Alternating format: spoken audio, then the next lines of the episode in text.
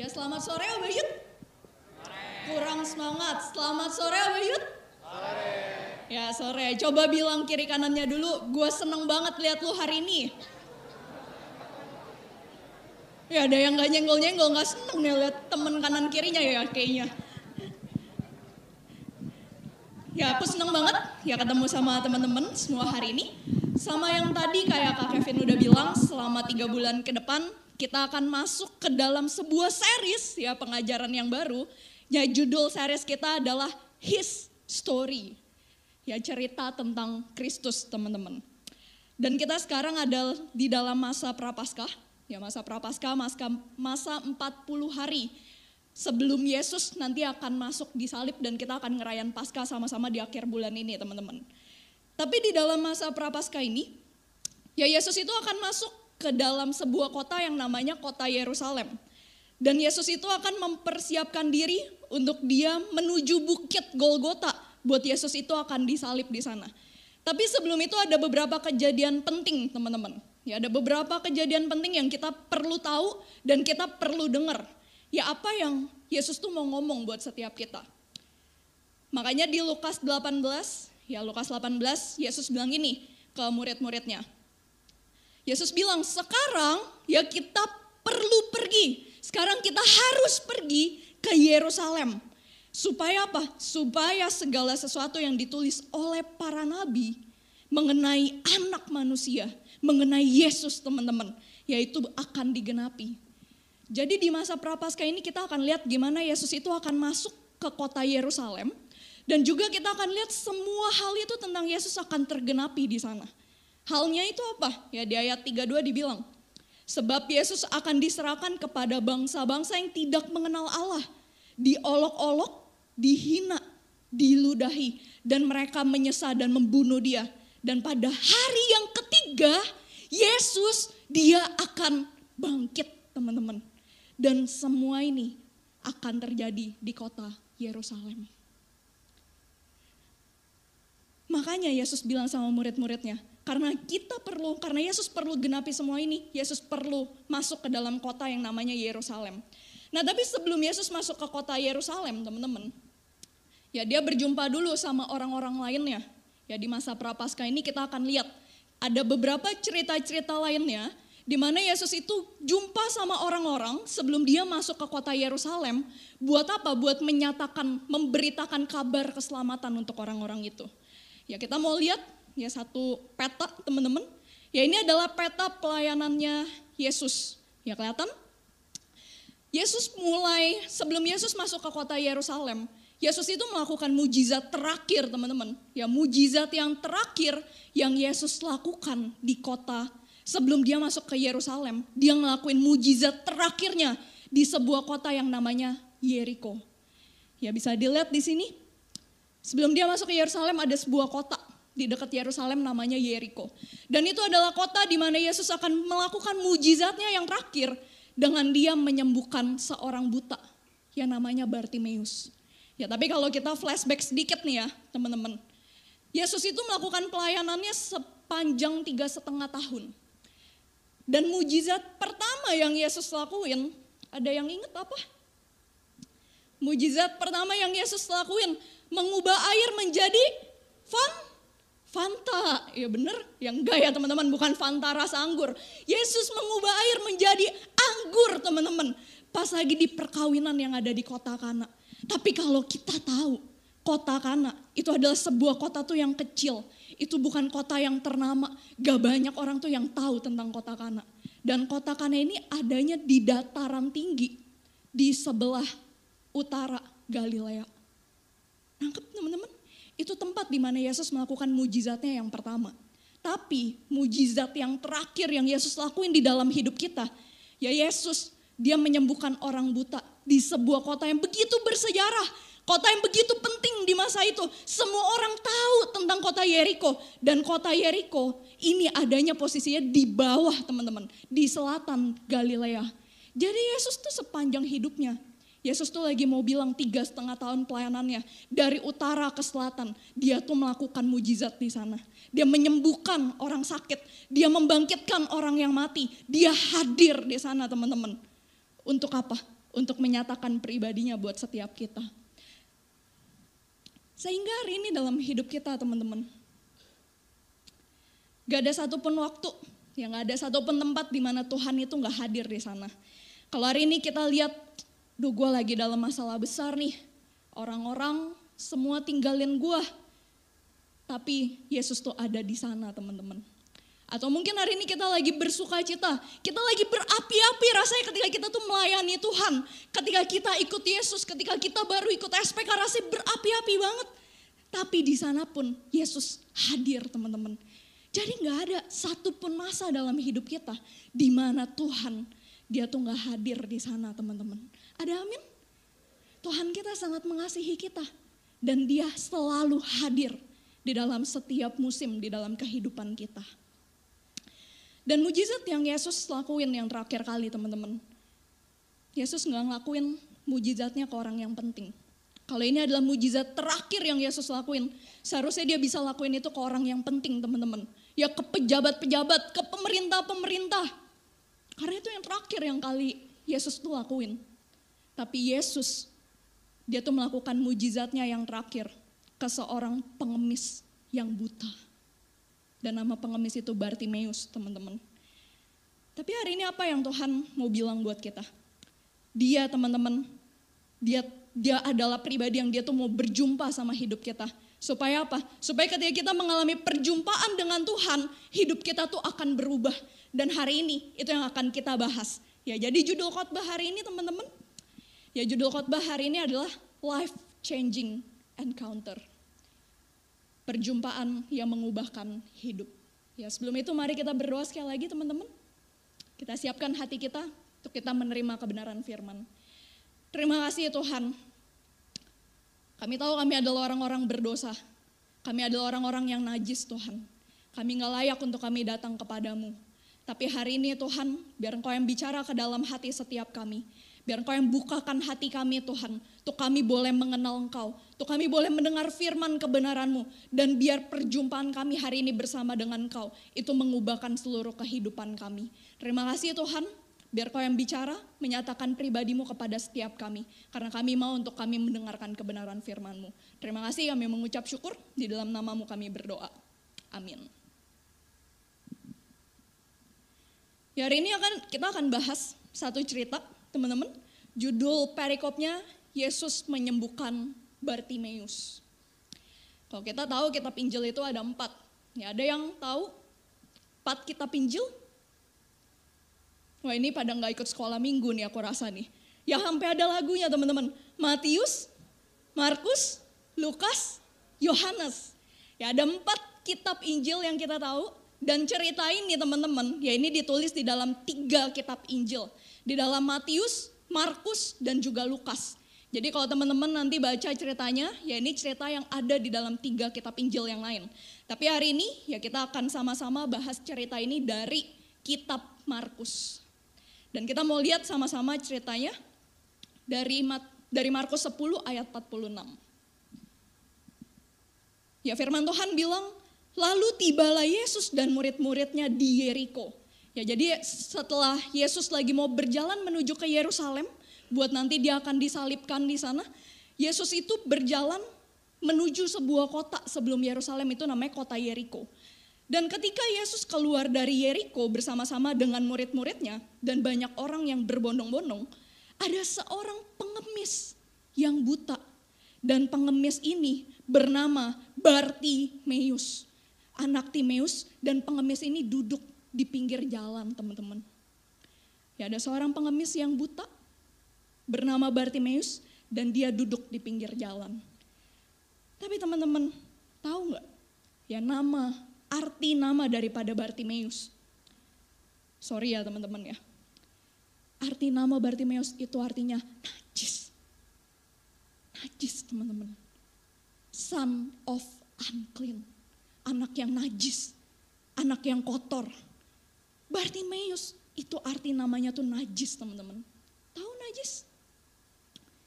Ya aku punya temen, ya ini bukan ceritaku nih teman-teman. Ya ini aku punya temen, cerita temenku berarti ya. Ada seorang temenku, ya dia ada dia punya orang lain lagi ya temennya yang lain, temen yang lain ini bilang gini, bro bro, shh, shh, bro, gue lihat-lihat lu kan masih jomblo nih ya.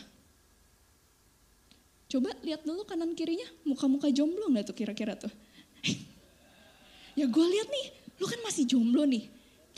Gue, bro, bro, gue punya kenalan cewek bro, ya iyalah cewek gitu ya. Gue punya kenalan cewek, lu mau gue kenalin gak?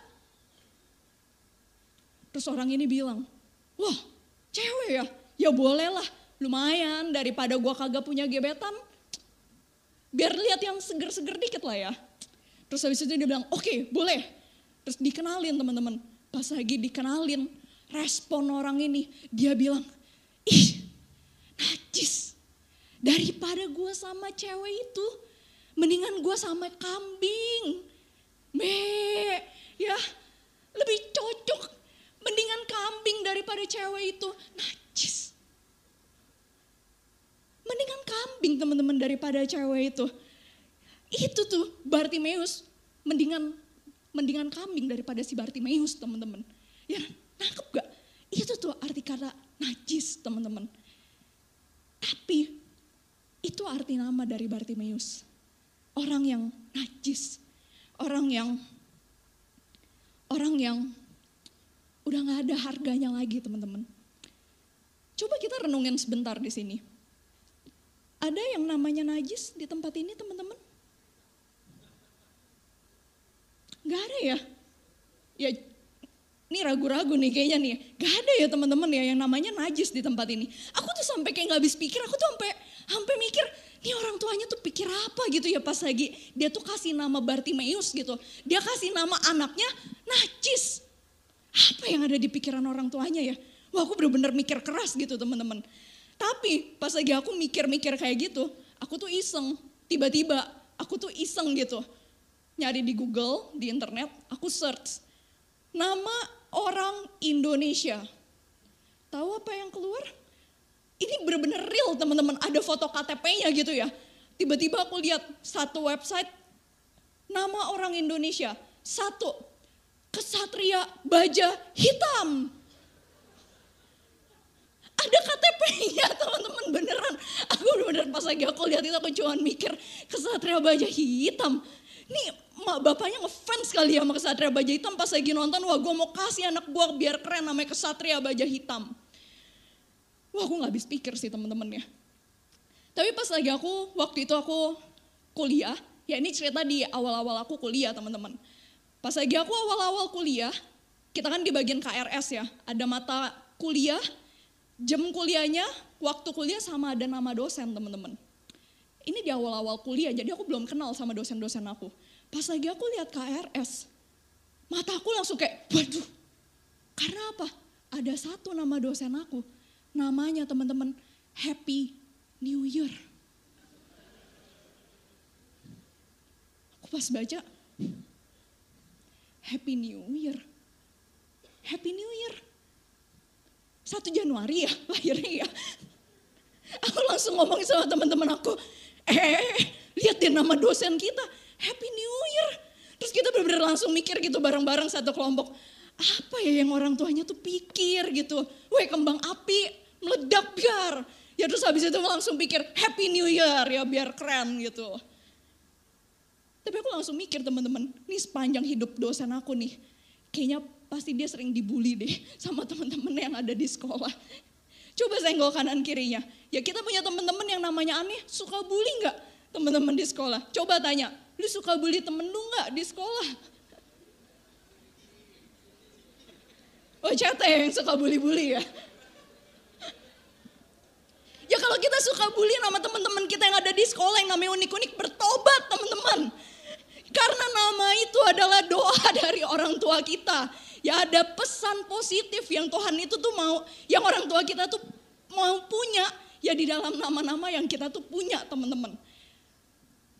Itu ada sebuah pesan yang orang tua kita tuh mau sampaikan lewat nama kita teman-teman. Tapi kalau ada sebuah pesan, aku tuh cuma mikir gitu, apa ya pesannya buat nama Bartimeus ini? Apa pesan yang positifnya? Kalau kasih nama tuh anak najis gitu. Tapi kalau kita lihat cerita Bartimeus, ya dari awal hidupnya teman-teman. Sejak awal dia lahir, dia tuh lahir dalam kondisi yang buta. Dia tuh jadi pengemis, dia begitu miskin, dia nggak punya apa-apa, dia nggak punya siapa-siapa di dalam hidupnya teman-teman. Kalau kita lihat, mungkin kita bisa lihat hidupnya tuh sial banget kok kayaknya. Gak ada hal yang baik yang terjadi di dalam hidupnya dia. Dan itu benar-benar real. Apa yang jadi arti nama dari Bar, dari Bartimeus ini teman-teman?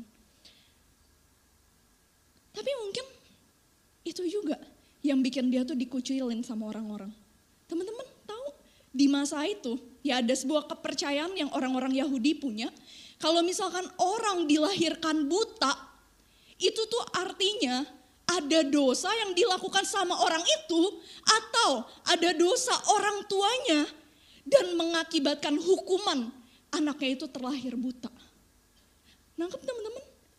Jadi orang-orang di masa itu mereka tuh bener-bener ngucilin Bartimeus. Mereka tuh mengasingkan Bartimeus. Mereka tuh tolak si Bartimeus. Karena buat mereka, mereka pikir Bartimeus ini bukan cuma anak najis. Tapi Bartimeus ini adalah orang yang dikutuk sama Tuhan.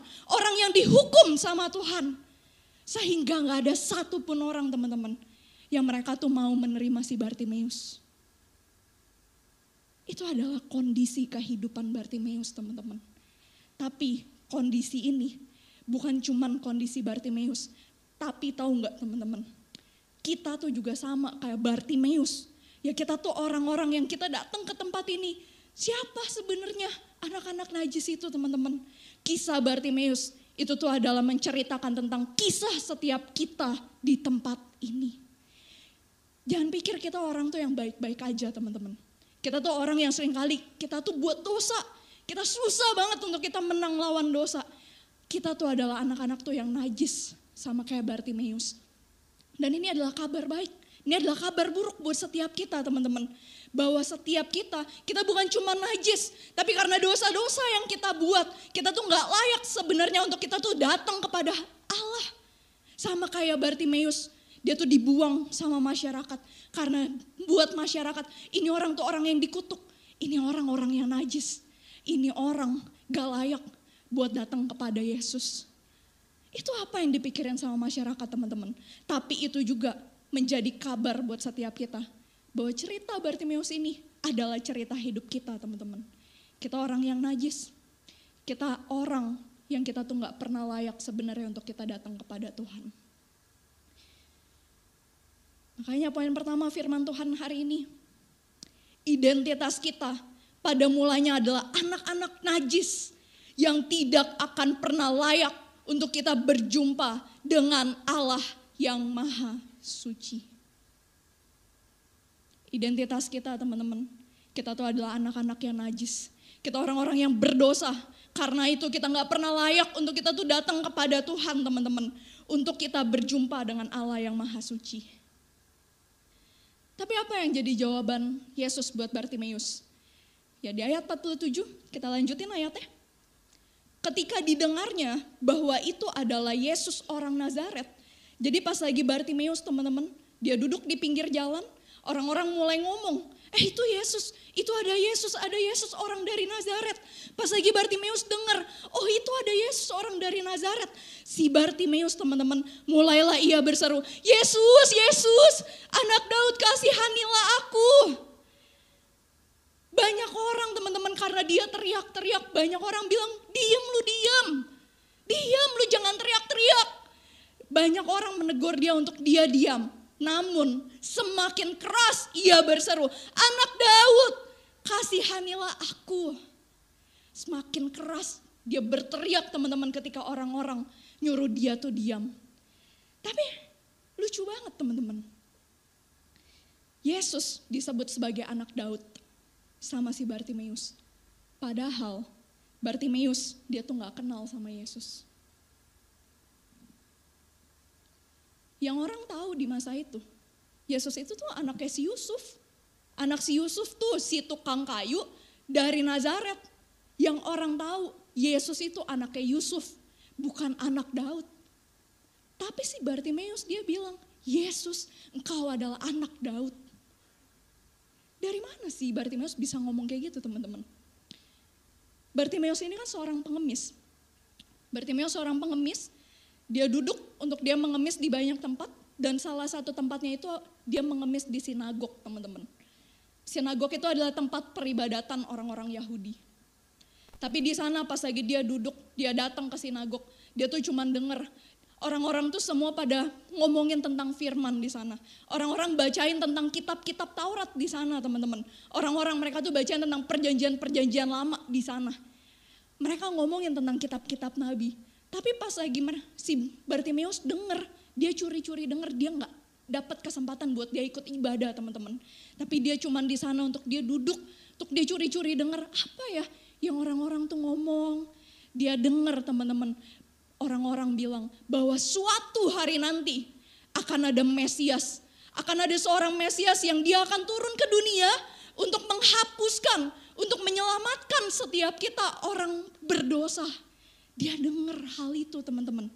Ketika dia duduk di sinagog. Tapi bukan cuma itu yang dia dengar.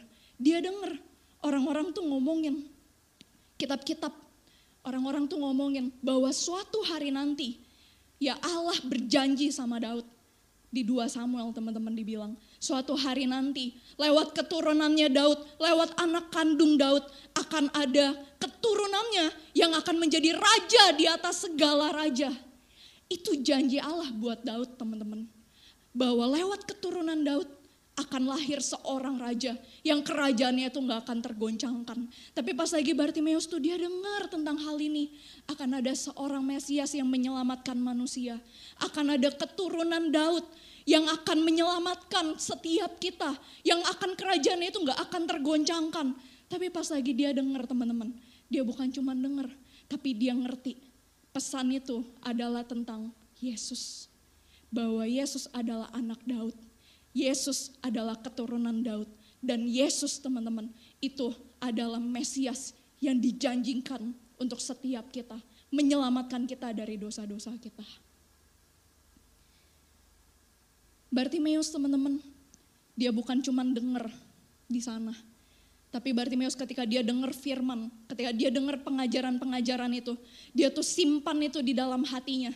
Dia bukan cuma simpan, tapi dia menjadi percaya bahwa Yesus adalah seorang Mesias dan Yesus adalah seorang anak Daud. Dan karena percayanya kepada Yesus teman-teman, itu yang membuat dia menjadi mengenal pribadi Yesus. Di saat orang-orang banyak, mereka tuh gak kenal siapa itu Yesus. Mereka cuma tahu Yesus itu sebagai nabi.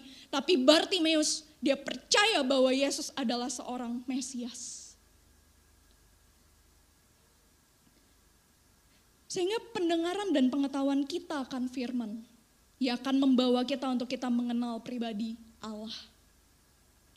Pendengaran dan pengetahuan kita akan firman teman-teman. Itu akan membawa kita mengenal pribadi Allah. Sehingga kalau hari ini kita bisa datang beribadah di sini, kita bisa baca firman, kita bisa ngerenungin firman, kita bisa dengar firman. Lewat semua itu teman-teman, kita tuh akan mengenal pribadi Allah. Tapi pertanyaannya apakah kita semakin mengenal pribadi Allah? Tuh kita datang, ah terserah lah yang khotbah mau ngomong apa ki. Ya gue asik aja main Mobile Legend duduk paling belakang. Main Insta Story, buka-buka TikTok di paling belakang, di ujung-ujung. Yang gak lagi nyindir siapa-siapa teman-teman. Ya jadi jangan tersinggung dan jangan tersindir. Tapi mungkin itu kondisi kita. Banyak orang gak dapat kesempatan untuk dengar firman teman-teman. Tapi ketika hari ini kita bisa datang ibadah di sini, kita bisa dengar firman. Apakah firman itu membawa kita semakin mengenal pribadi Allah? Tapi itu apa yang dialami sama Bartimeus teman-teman. Pas lagi dia tuh jumpa, dia kenal sama pribadi Yesus. Dia tuh meninggalkan semuanya teman-teman. Karena dia tahu Yesus itu yang paling berarti buat hidupnya. Dan ketika dia lihat Yesus teman-teman, dia berseru. Ya firman Tuhan bilang, Bartimeus berseru dengan suara yang keras. Tahu seruan di sini ketika dibilang Bartimeus berseru. Bartimeus itu berseru dengan seruan keputusasaan teman-teman. Jadi Bartimeus itu berseru karena dia tahu hidupnya itu tuh udah hopeless. Dia tahu hidupnya itu udah gak ada lagi pengharapan teman-teman. Dia tahu udah gak ada orang yang mau sama dia. Gak ada orang yang terima dia. Udah gak ada jalan keluar lagi buat hidupnya. Dan dia tahu cuman Yesus satu-satunya jawaban yang dia punya.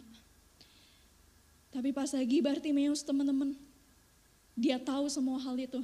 Dia cuma minta gini sama Yesus, kasihanilah aku. Anak Daud, kasihanilah aku.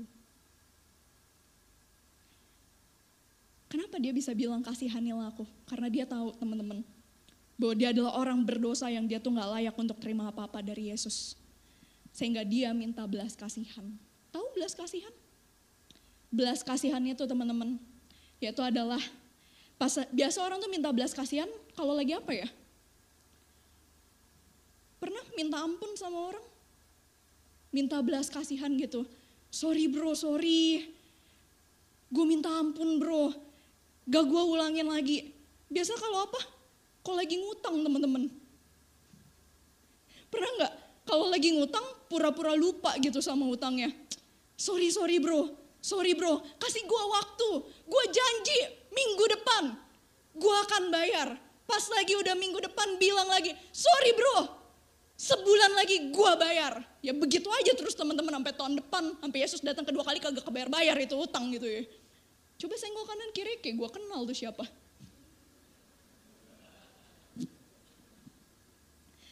Tapi kenapa orang tuh minta belas kasihan teman-teman?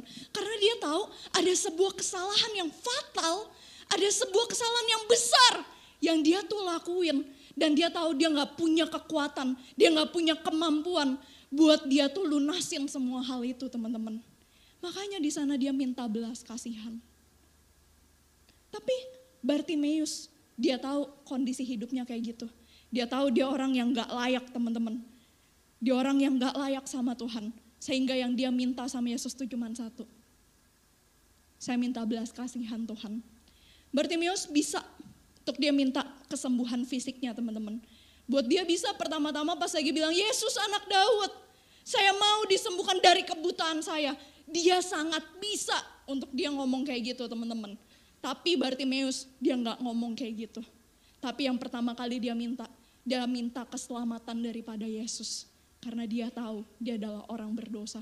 Dan gak ada satupun jalan keluar untuk menyelamatkan dosa-dosanya selain daripada pribadi Yesus. Tapi apakah kita juga minta hal yang sama nggak teman-teman dari Yesus? Atau justru yang kita minta dari Yesus, ya kita tuh bilang, Tuhan Gue tuh udah pelayanan Tuhan. Gue udah jadi PIC service crew Tuhan. Mau jemaat ngeladenin gue, jemaat buang muka sama gue.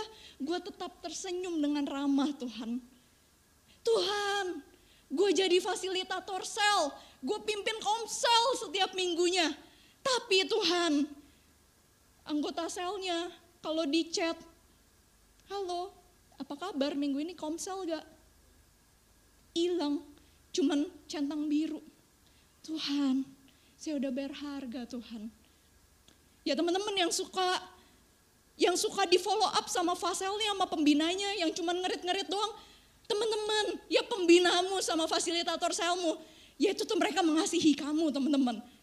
Ya mereka mengasihi kamu jadi jangan di read doang. Ya kalau gebetan, gebetan aja, nggak pernah di read doang. Ya, tapi apa? Kalau misalkan follow up, follow up, di follow up, diperhatiin, ya cuman di read doang. Coba bilang kanan kirinya, lu jangan read doang bro. Ya bertobat ya teman-teman yang cuma ngerit-ngerit doang pas lagi di follow up. Kok nggak cuma bilang, baik kak, baik kabar saya. Haleluya puji Tuhan. Ya, jangan ya teman-teman ya. Ya mereka orang-orang yang mengasihi kita. Ya tapi pas lagi Mungkin kita orang-orang yang kita bilang, gue tuh udah pelayanan banyak Tuhan.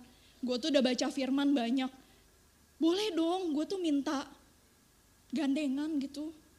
Ya kanan kiri semua udah punya gandengan, masa gue belum punya gandengan Tuhan. Ya kita minta sesuatu sama Tuhan. Karena kita pikir Tuhan itu tuh memberikan sesuatu karena kita tuh melakukan sesuatu yang baik teman-teman. Tapi Bartimeus dia nggak minta semua hal yang jasmani. Dia cuma minta satu, saya minta keselamatan itu Tuhan. Karena dia tahu masalah utama yang dia punya itu adalah dosa-dosa yang dia lakuin. Sehingga dia minta cuma satu. Saya minta belas kasihanmu Tuhan. Tapi seharusnya teman-teman, itu juga apa yang harusnya kita minta sama Tuhan. Di ayat 49, ya kita lanjutin lagi. Firman Tuhan bilang, ya pas lagi Yesus ketemu sama si Bartimeus, ya Yesus berhenti. Lalu Yesus berhenti ketika dia lihat Bartimeus itu berseru-seru kepada Yesus. Dan Yesus berkata, panggillah dia. Mereka memanggil orang buta itu dan berkata kepadanya, kuatkanlah hatimu, berdirilah, ia memanggil engkau.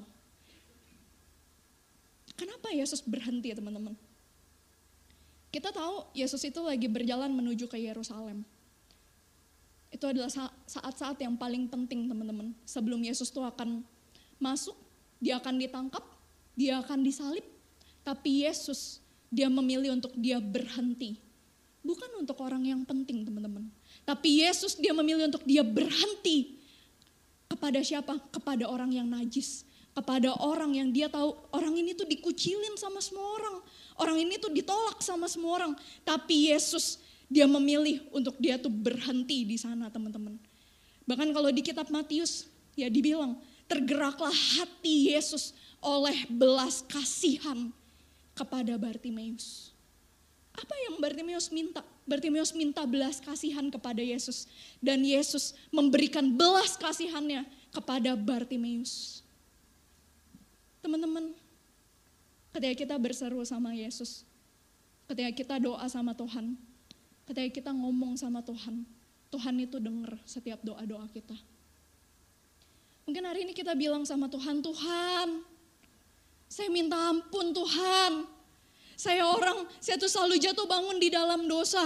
Tuhan, saya jatuh lagi di dalam pornografi. Tuhan udah bertahun-tahun, saya jatuh terus di dalam nyontek saya.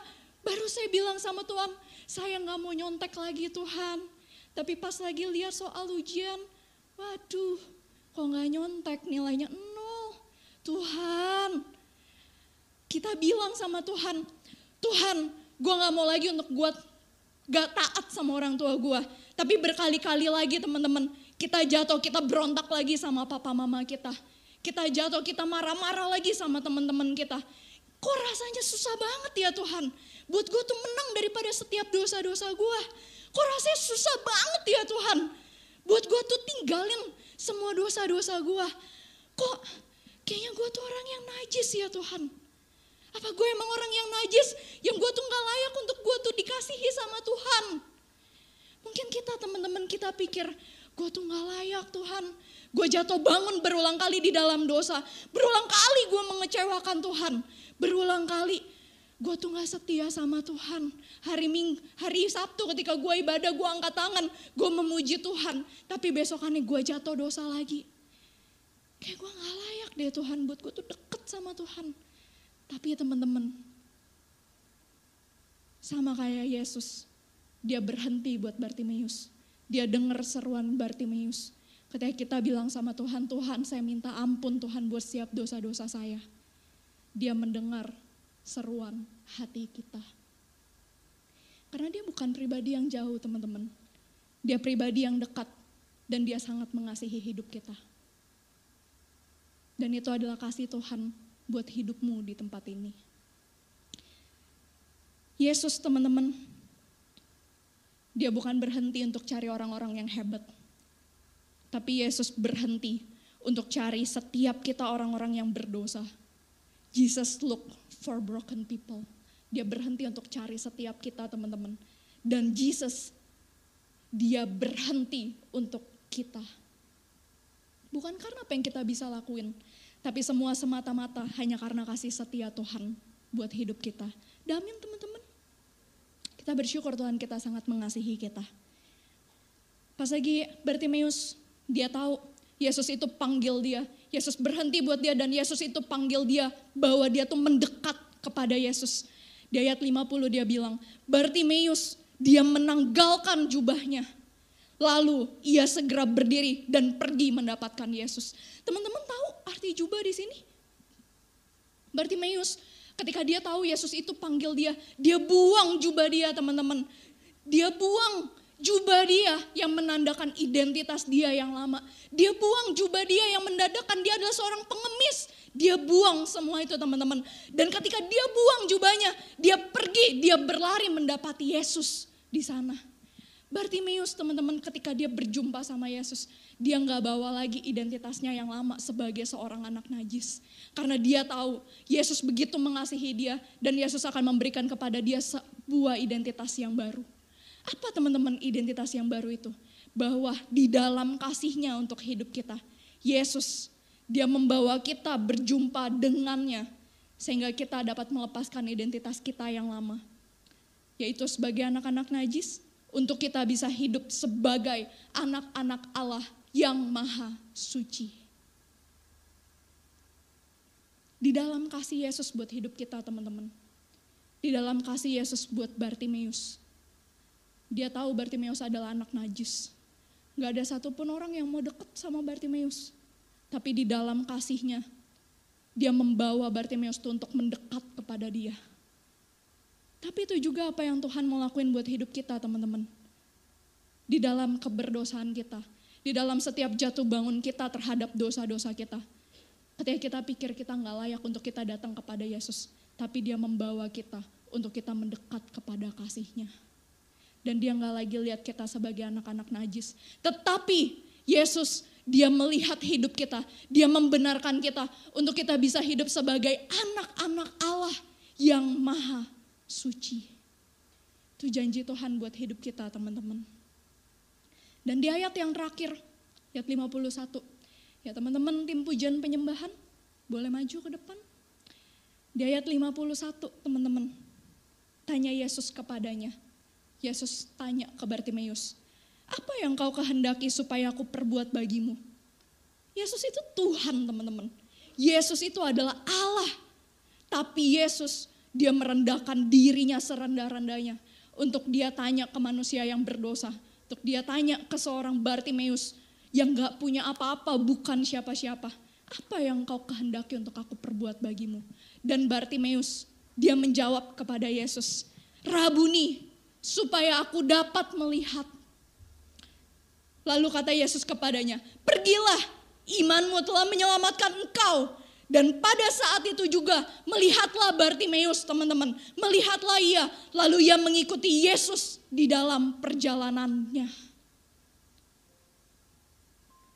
Kenapa ya Bartimeus bisa minta? Ini hal yang sangat gak mungkin teman-teman. Tapi Bartimeus dia minta tanpa keraguan kepada Tuhan. Dia minta kepada Yesus, saya mau untuk saya melihat Tuhan. Dia minta tanpa keraguan. Karena Bartimeus kenal sama pribadi Yesus teman-teman. Dia kenal Yesus itu pribadi yang sangat mengasihi dia. Yesus, dia punya kuasa untuk melakukan semua hal yang gak mungkin menjadi mungkin. Yesus itu adalah anak Allah, dia adalah anak Daud, dia adalah Mesias, dia adalah seorang raja di atas segala raja. Sehingga hari ini ketika gue minta, gue minta tanpa ragu. Karena gue tahu Yesus dia bisa, dia berdaulat untuk dia melakukan semuanya. Sehingga ketika dia minta tanpa ragu teman-teman, di sana imannya menyelamatkan dia. Kepercayaan dia kepada Tuhan menyelamatkan dia. Dan seketika itu juga dia melihat. Bukan cuma itu teman-teman. Tahu cerita Bartimeus ini? Ini juga cerita yang dituliskan di kitab Lukas dan kitab Matius.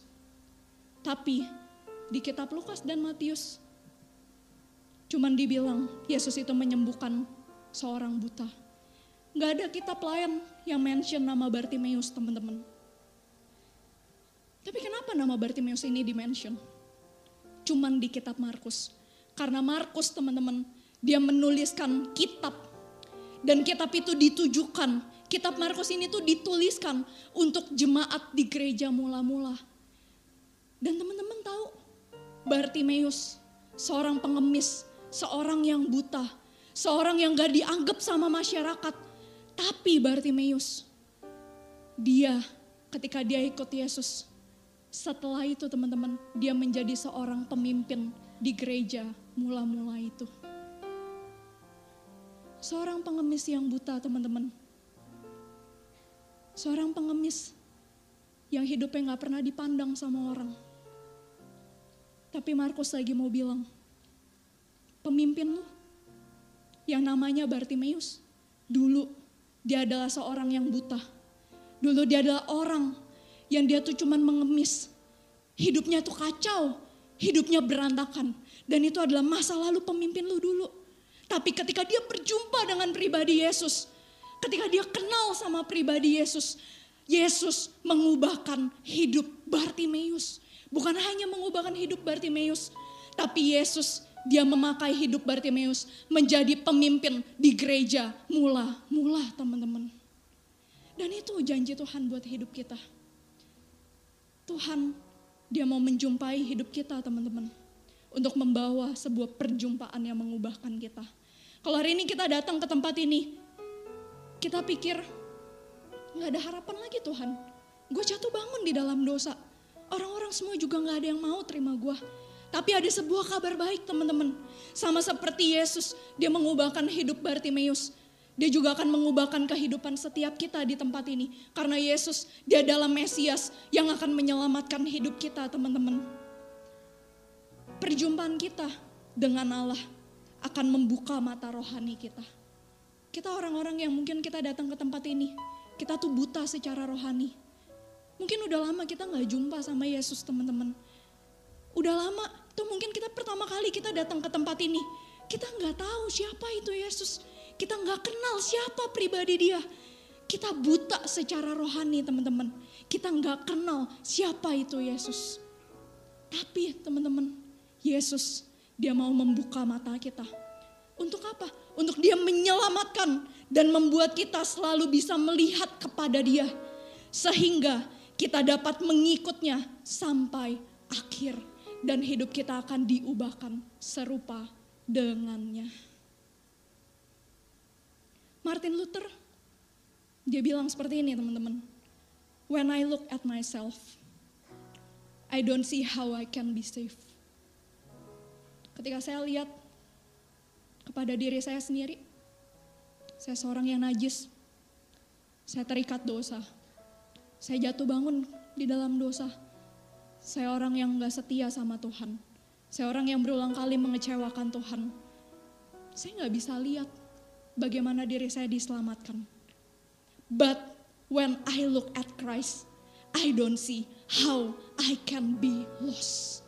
Ketika saya melihat kepada Yesus, ketika saya melihat kepada Kristus yang mati, yang bangkit untuk hidup saya, saya nggak pernah lihat lagi bagaimana saya akan terhilang. Dan itu janji Tuhan buat setiap kita teman-teman.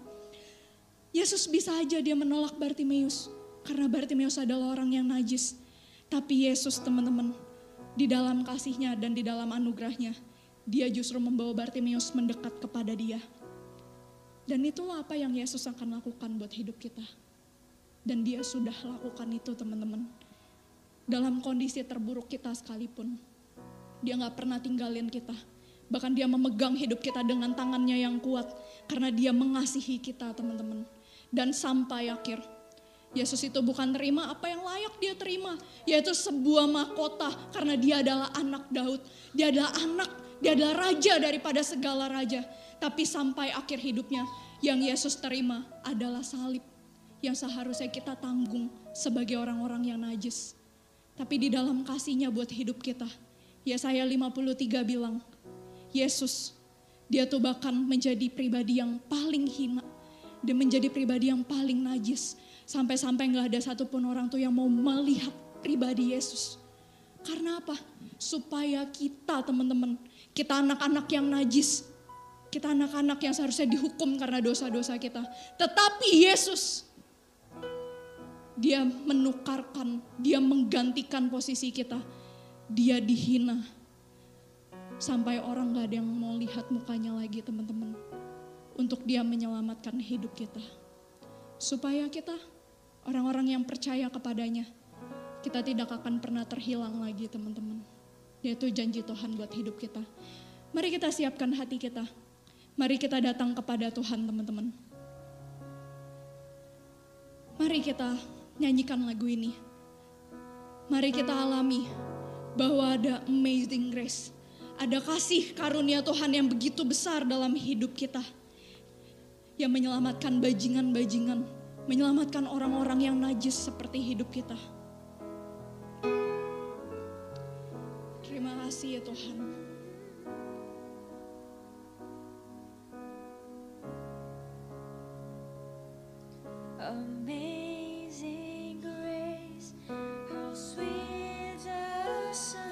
Mari kita nyanyikan lagu ini dengan hati kita, teman-teman. Ucapkan terima kasih kita kepada Tuhan. Terima kasih Tuhan. Kami adalah orang-orang yang najis. Kami orang-orang yang berdosa Tuhan. Tapi Engkau selamatkan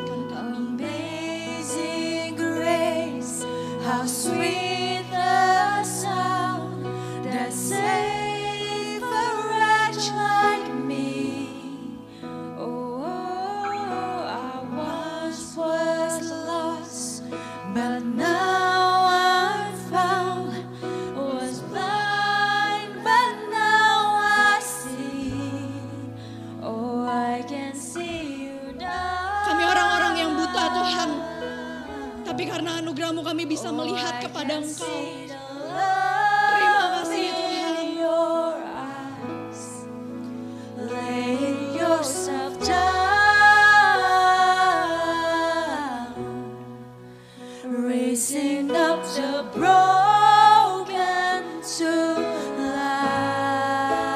kita sama-sama kita bangkit berdiri teman-teman. Amazing Kita nyatakan ucapan syukur kita kepada Tuhan. Karena dia adalah pribadi yang begitu mengasihi hidup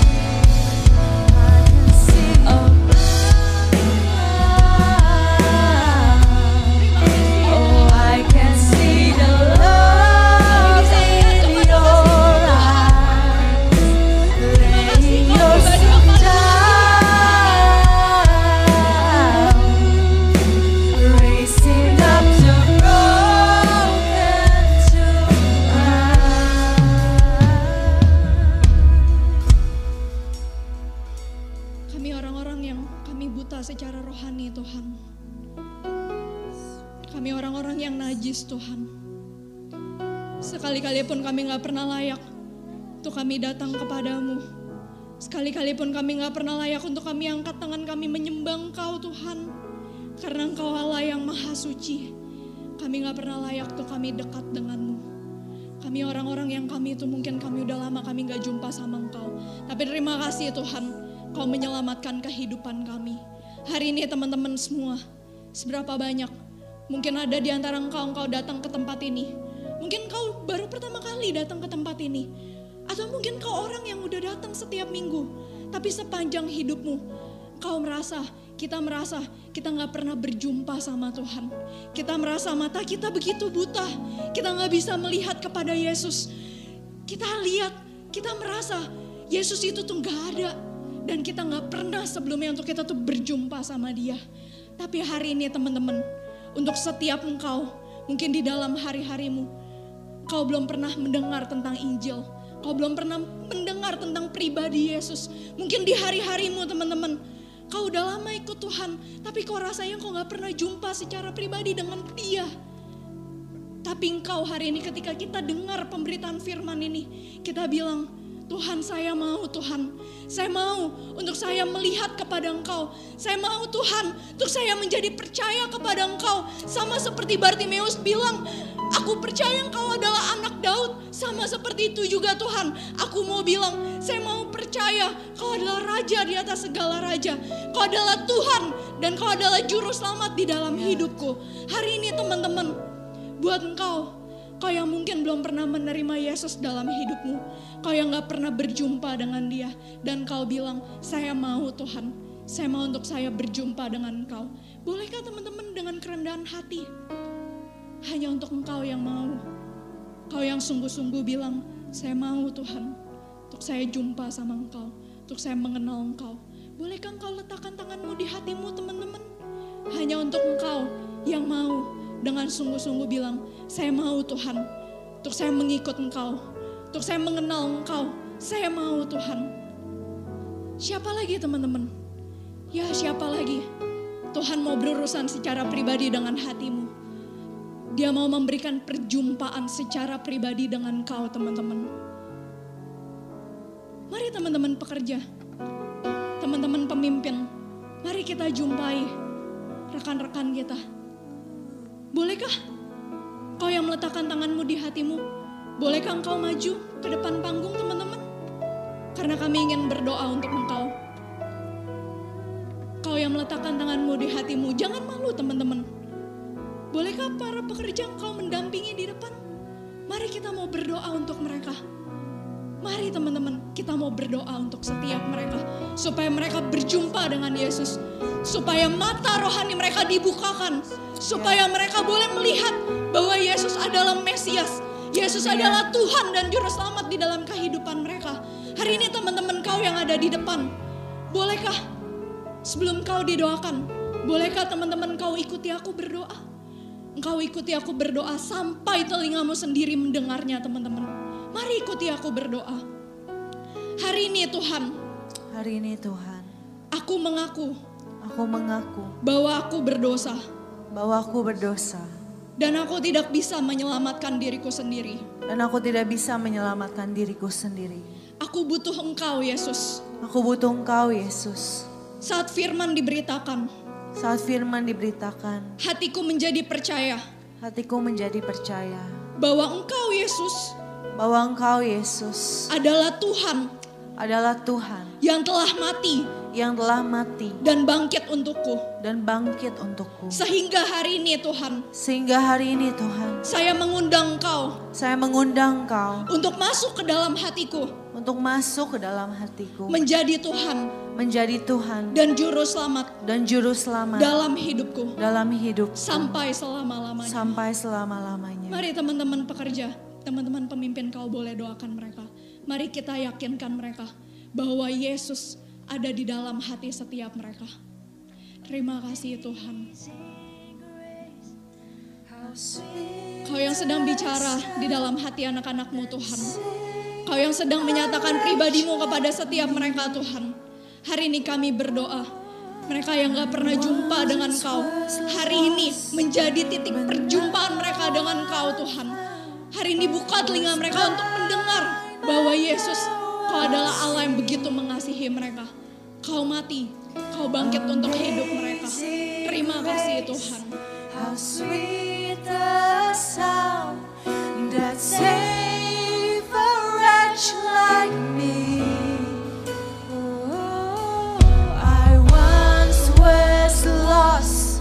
But now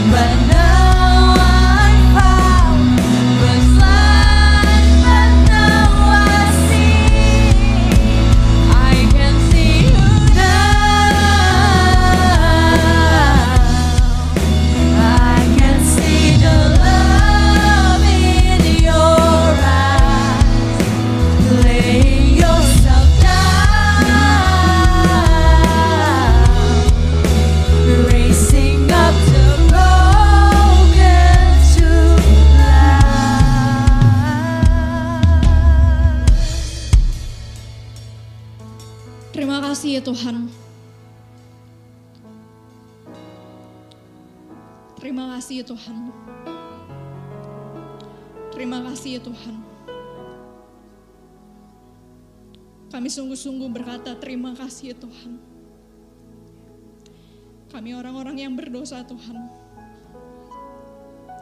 Enggak pernah layak untuk kami menyebut Engkau dengan sebutan Bapak. Enggak pernah layak untuk kami sebutkan Engkau dengan sebutan Allah. Tapi terima kasih Kau mengasihi hidup kami orang-orang yang berdosa Tuhan.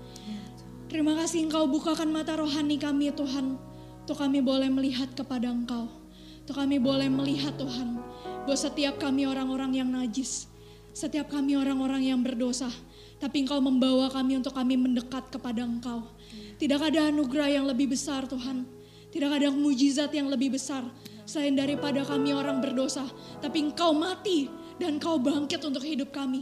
Kau menyelamatkan kami untuk Engkau mengubahkan hidup kami, memberikan pengharapan yang baru dalam hidup kami. Tuhan, ini hati kami Tuhan. Kami mau untuk kami berjumpa dengan Engkau. Kami mau untuk kami mengenal Engkau Tuhan. Kami mau sampai akhir hidup kami. Sama seperti Bartimeus Tuhan.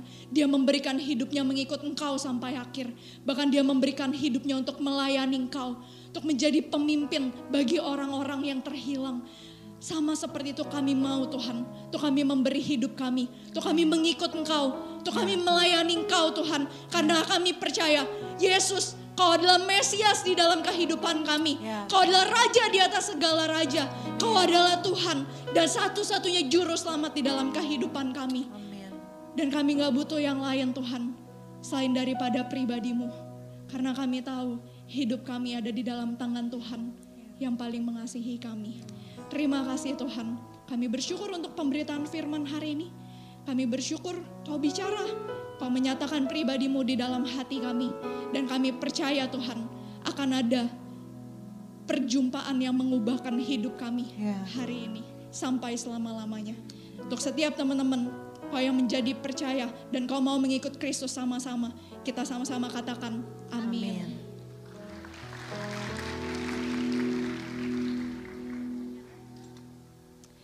Ya ada sedikit pertanyaan perenungan teman-teman. Ya yang setelah ini mungkin kita bisa renungkan secara pribadi bersama Tuhan. Ya atau mungkin kita bisa sharing setelah ibadah bersama dengan teman-teman komsel kita, teman-teman peer group kita. Ya ada tiga pertanyaan. Ya yang pertama, dosa apa yang mungkin sering kali membutakan mata kita sehingga kita tidak dapat melihat kepada Kristus?